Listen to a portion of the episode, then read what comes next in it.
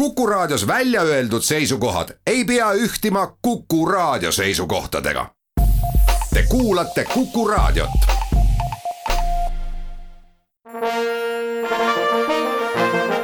Vanemuise veerand. tere kõigile teile, head Kuku raadio kuulajad. täna on saates külas lavastaja Andres Noormets. tere, Andres. tere. mina olen saatejuht Tiiu Rööp. Laupäeval, kaheksateistkümnendal septembril esietendub Sadama teatris lavastus Terror. näidendi autoriks on Ferdinand von Schirach, keda minu teada varem ei ole Eestis lavastatud, on ilmunud paar tema raamatut eesti keelde tõlgituna, aga lavastus ei tule mulle meelde ei, kindlasti lavastusi ei ole, selle peale võin ma mürki võtta. aga äh, minuni jõudis see materjal tõlkija Piret Pääsukese kaudu, kes on Raadioteatris toimetaja ja kui me seal koos ümber laua toimetasime, siis ta ükskord ütles, et kuule, et äh, ma olen kokku puutunud ühe väga huvitava näitemänguga, mille autor on väga huvitav ja võib-olla sulle pakub huvi. ja siis ma uurisin seda inglisekeelset versiooni sest tänapäeval ikka inglise keelde jõuavad äh, kirjandusteosed ja näitemängud suht kiiresti, kui neil on mingisugune kullaproov küljes. Ja see tundus mulle tõepoolest huvitav, sest tegemist on ka mitte väga tihti esineva olukorraga teatris, kus ei mängita ette mingisugust äh, kujuteldavat alguse ja lõpuga lugu, kus siis noh, me läheme kaasa päevade jooksul või siis ühe päeva jooksul ja nii edasi.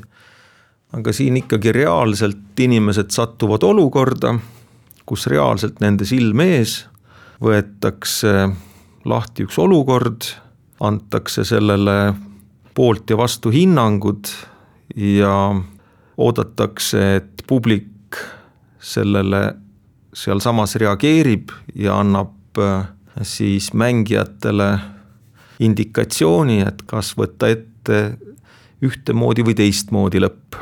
ja see on tõesti selline olukord, mis, mis tekitab asjas hoopis teistsuguse pinge, sest äh, see lavastus pidi esietenduma aprillikuus Sadama teatris, aga kuna see äh, viirusolukord oli selline, et ta ei saanud esietendada, siis äh, noh, ta ei esietendunud aga piiratud publikule, nendele omadele teatriinimestele me siiski mõned läbimängud tegime, noh võib öelda, et etendused andsime.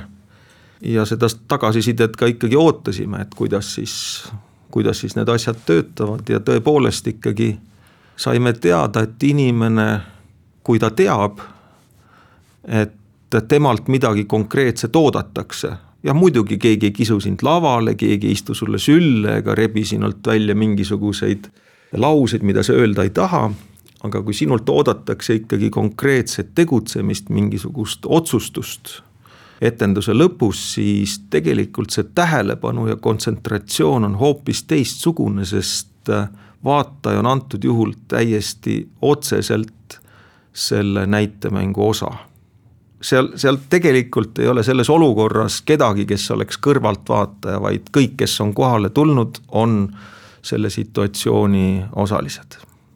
kui te alustasite selle materjaliga tegelemist, siis kas trupp oli üksmeelne otsuses, kas peategelane on süüdi või ei ole? Ah, võib-olla me siis ikkagi natukene nii palju peame ette rääkima, et mis olukord see on. sest ega seda ei pea ju varjama ja nii või teisiti ma neid nüansse ei suudaks selle lühikese ajaga siin ära rääkida, mis seal kõik ette tulevad, sest tegemist on kummalisel kombel ikkagi päris niisuguse põnevusnäitemänguga. Aga tegemist on sellega, et terrorist on hõivanud lennuki, ta sunnib meeskonda seda maandama jalgpallistaadionile, mis põhjustaks ilmselt päris suuri inimohvreid. Ja siis äh, tõstetakse õhku hävituslennukite tiim ja juhtivpiloot otsustab siis selle lennuki alla tulistada, et vältida seda suuremat tragöödiat väiksema tragöödia abil. ja see on see olukord, mis on ette antud. ja nüüd tõepoolest äh, tegemist on siis kohtumõistmisega selle piloodi üle, kes äh, saab päris põhjalikult iseloomustatud saame teada tema, tema minevikust, tema olevikust, tema vaadetest, tema vaimsest kapatsiteedist. Ja selge on see, et see inimene ei ole seda teinud kuidagi uisapäisa, aga küsimus on nagu laiem, et, et kas üldse on siis õigus teha midagi niisugust, kas on õigus hoida ära suuremat kahju väiksema kahju hinnaga. ja sellele on väga raske tegelikult vastust anda.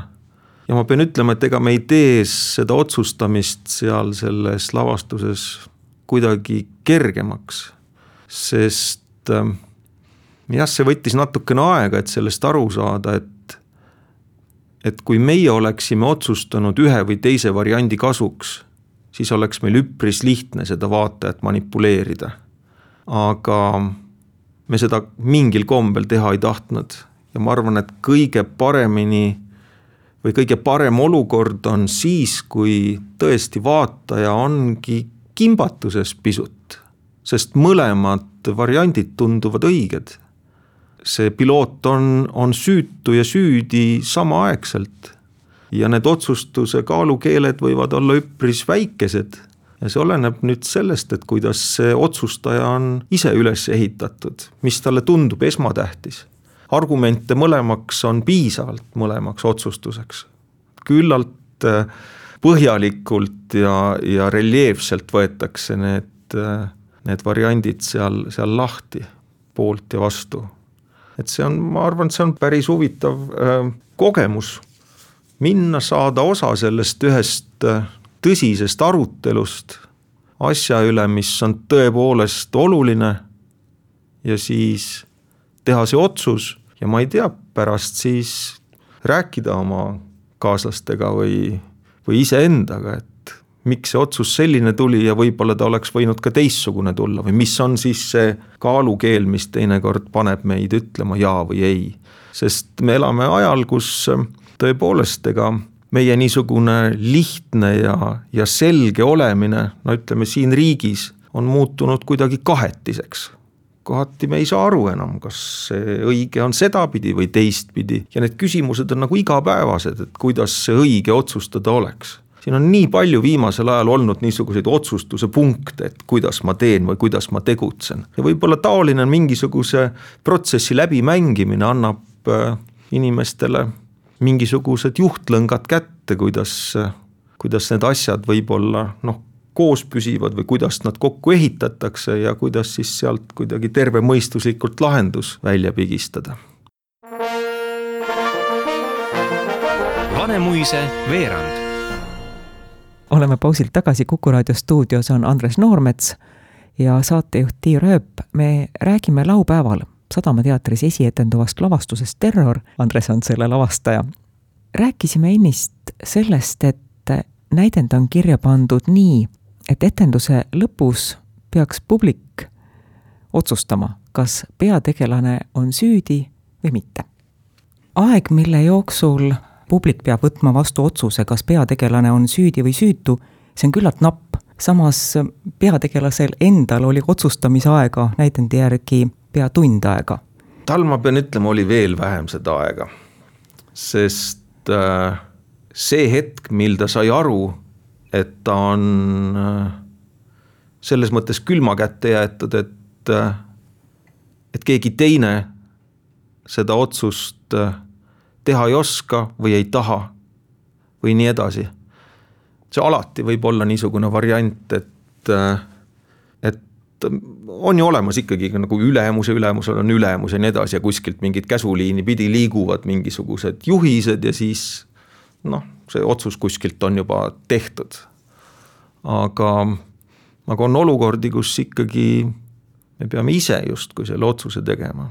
ma näen seda olukorda sellisena ja ma pean otsustama, kas nii või naa, seal ei ole nagu varianti neutraalseks, no on võimalus alati ka neutraalseks jääda, aga see võib ka lõpuks olla kõige raskem variant, et südametunnistus piinab võib-olla kõige rohkem selle koha peal. kuigi neutraalne on ka tihti see, et äh, ei, tegelikult on, on, on olukordi elus, kus sul ei ole neutraalseks jäämise varianti, sest ei, sest neutraalseks jääda on ka ei variant. et sa lihtsalt nagu pehmendad oma seda maandumist veidi, et ah, mul ei ole seisukohta, aga tegelikult kui sa ei ütle jaa, siis sa oled öelnud ei. selline see olukord seal on ja tal tõesti on kaunis piiratud see aeg ja see aeg ei ole lihtsalt see, et ma istun kuskile rahulikult kümneks minutiks ähm, tühja ruumi ja mõtlen, noh, mida teha. aga ma samaaegselt pean piloteerima täiskiirusel lendavat hävitajat ja selle otsuse langetama. sest äh, ta ei saa seda langetamata jätta. ja pärast siis öelda, et kas, äh, kas tema üldse oleks pidanud, kas see olukord üldse oleks pidanud selline olema, et üks äh, piloot langetab otsust, mille peaks langetama põhimõtteliselt kaitseminister või või keegi sellel tasemel.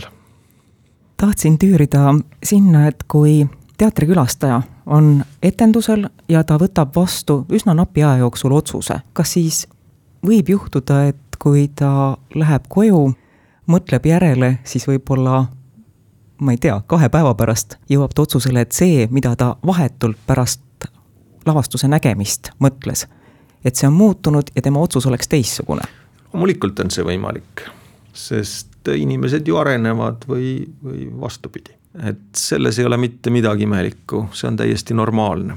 samas on üks huvitav niisugune indikatsioon, olgu, ma ütlen enne seda, et, et ma noh, sellepärast me räägime ka seda juttu ja see on selles suhtes hea, et need mingisugused eelteadmised, minu meelest kõige olulisem eelteadmine selle seda etendust vaatama tulles on see, et, et ma teaksin, et minult oodatakse midagi. et see ei oleks mulle niisugune üllatus, et ma oleks valmis läbi selle paari tunni liikuma mõttega, et minult lõpus oodatakse ühte jaad või ei-d.